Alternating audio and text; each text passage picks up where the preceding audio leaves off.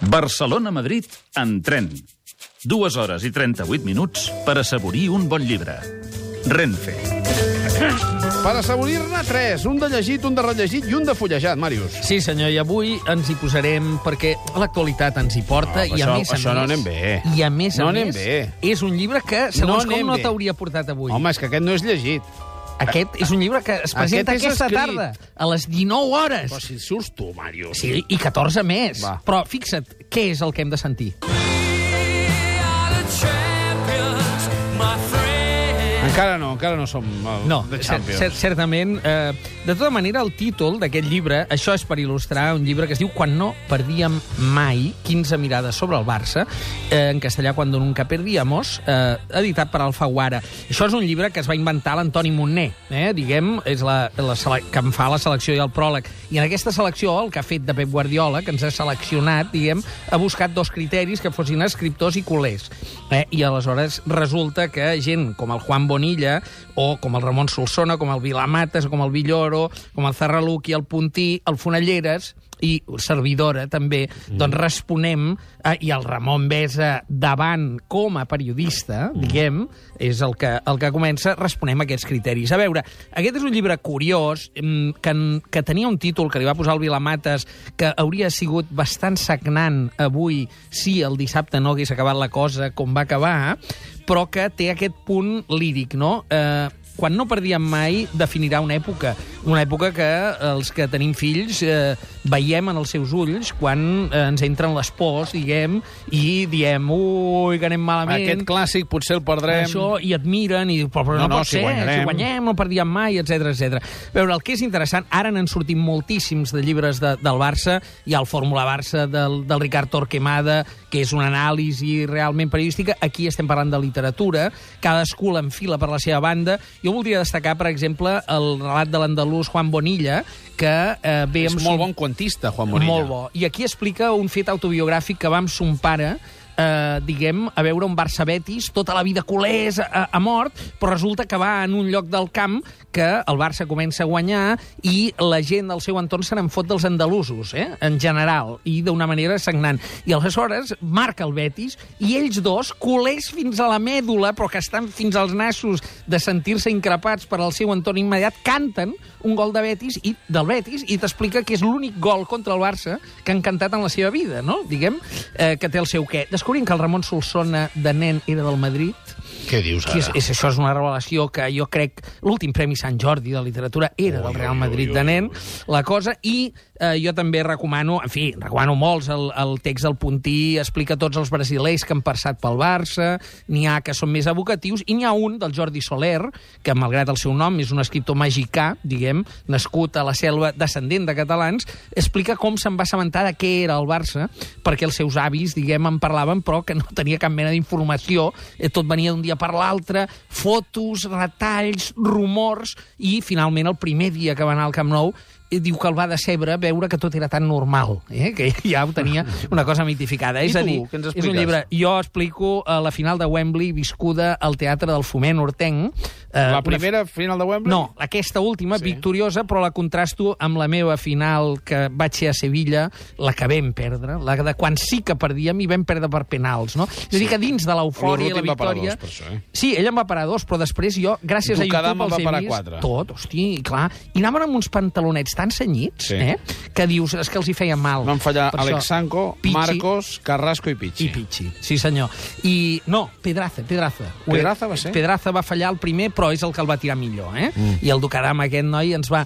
Mm, De manera que hi ha una mena de, diguem, de, de contrast evident entre el passat i el present que esperem que aquest, quan no perdíem mai, es perllongui moltíssim i, en tot cas, avui era el dia que si no haguéssim guanyat el dissabte no te l'hauria portat, aquest llibre. Avui, a les 7 de la tarda, a la Casa del Llibre, ens el presentem. Mots clau? Futbol, Barça, memòria i una parella, felicitat i patiment.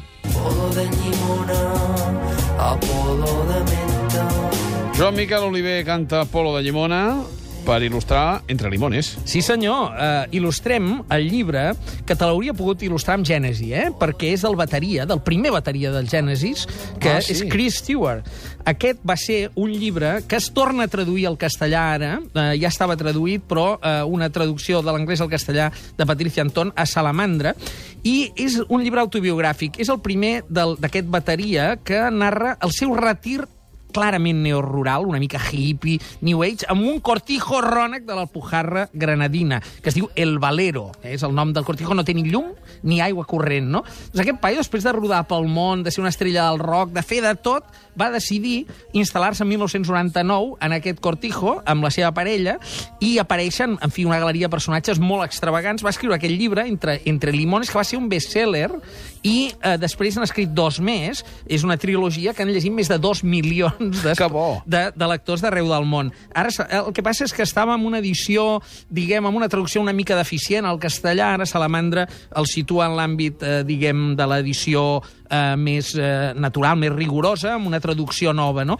És curiós, a veure, jo no en sóc gens de neorural, eh, i, i més aviat malfio d'aquesta gent que es retira del món. Però val a dir que el Chris Stewart aquest aquí demostra una, que té una malaltia, una patologia de la qual eh, de vegades ens convindria eh, contagiar-nos una mica, que és un optimista crònic però un optimista Ui, crònic absolut. necessita molt, eh? Molt. Jo crec que és una, eh, en tot cas, és una bona lectura, sense que això vulgui dir que hàgiu d'acabar am- amagant-nos amb cap cortijo, ni cap masia, ni cap mas, ni cap armot, oi?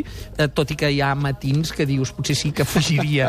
en tot cas, eh, Chris Stewart, eh, amb el seu primer llibre, insisteixo, de, després dels altres de, de la trilogia, eh, que també trobareu amb les ametlles en flor i els altres eh, llimones, entre limones, ara, en una traducció solvent en castellà, a salamandra. Encara viu a l'Alpujarra? Sí, sí, encara hi viu. Actualment, eh, de fet, s'ha presentat a les eleccions per iniciativa a Los Verdes eh, i és regidor del seu poble de l'Alpujarra. Que bo. Mots clau? Uh, natura, bellesa, optimisme, recerca, i aquí voldria dir Washington Irving, que és un clàssic nord-americà que va escriure els contes de l'Alhambra, allà a Granada també, i que, en certa mesura, aquell descobriment rural, tot i que amb gran distància, me l'ha recordat. Per tant, Washington Irving, també. Agafem la moto. everywhere to motor west. Dr. Philgood canta Route 66. Sí, senyor. Aquest és un llibre de regal. Eh, en fi, aquestes setmanes ja en portarem algun més, menys literaris dels que acostumem a fer. Com pots veure, és un llibre eh, de fotos, bàsicament. Bienvenidos a la Ruta 66. Welcome to Route 66. Això ho publica Grijalbo. És una guia profusament il·lustrada, però en un format gran. Eh? Sí, Eh, llibre regal, És diguéssim. un llibre regal clar, eh, clàssic per aquell eh, oncle que tenim, una mica hippie, que ja diguem, eh, saps, eh, havia tocat en grups de rock i està amb els cabells blancs, però el porta llarg i va amb xupes de cuiro. Aquell oncle que tots hem tingut o tenim, li regaleu això i quedareu com a reis. En tot cas, recordem-ho, la Route 66, el, el Nobel John Steinbeck, la va denominar la carretera mare, eh? perquè en certa mesura en aquella època era eh, l'espinada, la- l'espina dorsal de Nord-Amèrica, i realment les fotos són impressionants, i la quantitat d'històries que s'hi s'hi congrien al voltant, no? Més enllà del mite que tots els rockers tenen amb Route 66. Home, encara, encara fa bo, eh, travessar-la amb moto o amb cotxe, però són dies i dies de, de carretera Sí, i... sí. M'ho imagino. Jo t'he de dir que abans faria això, ho tinc pendent que no anar-me'n a la Pujarra, eh? Vull dir que jo crec que faria més la Route 66, però com pots veure porto opcions per fugir una mica d'aquesta realitat tan dura que ens envolta. Gràcies, Màrius. Fins a la setmana que ve. Adéu.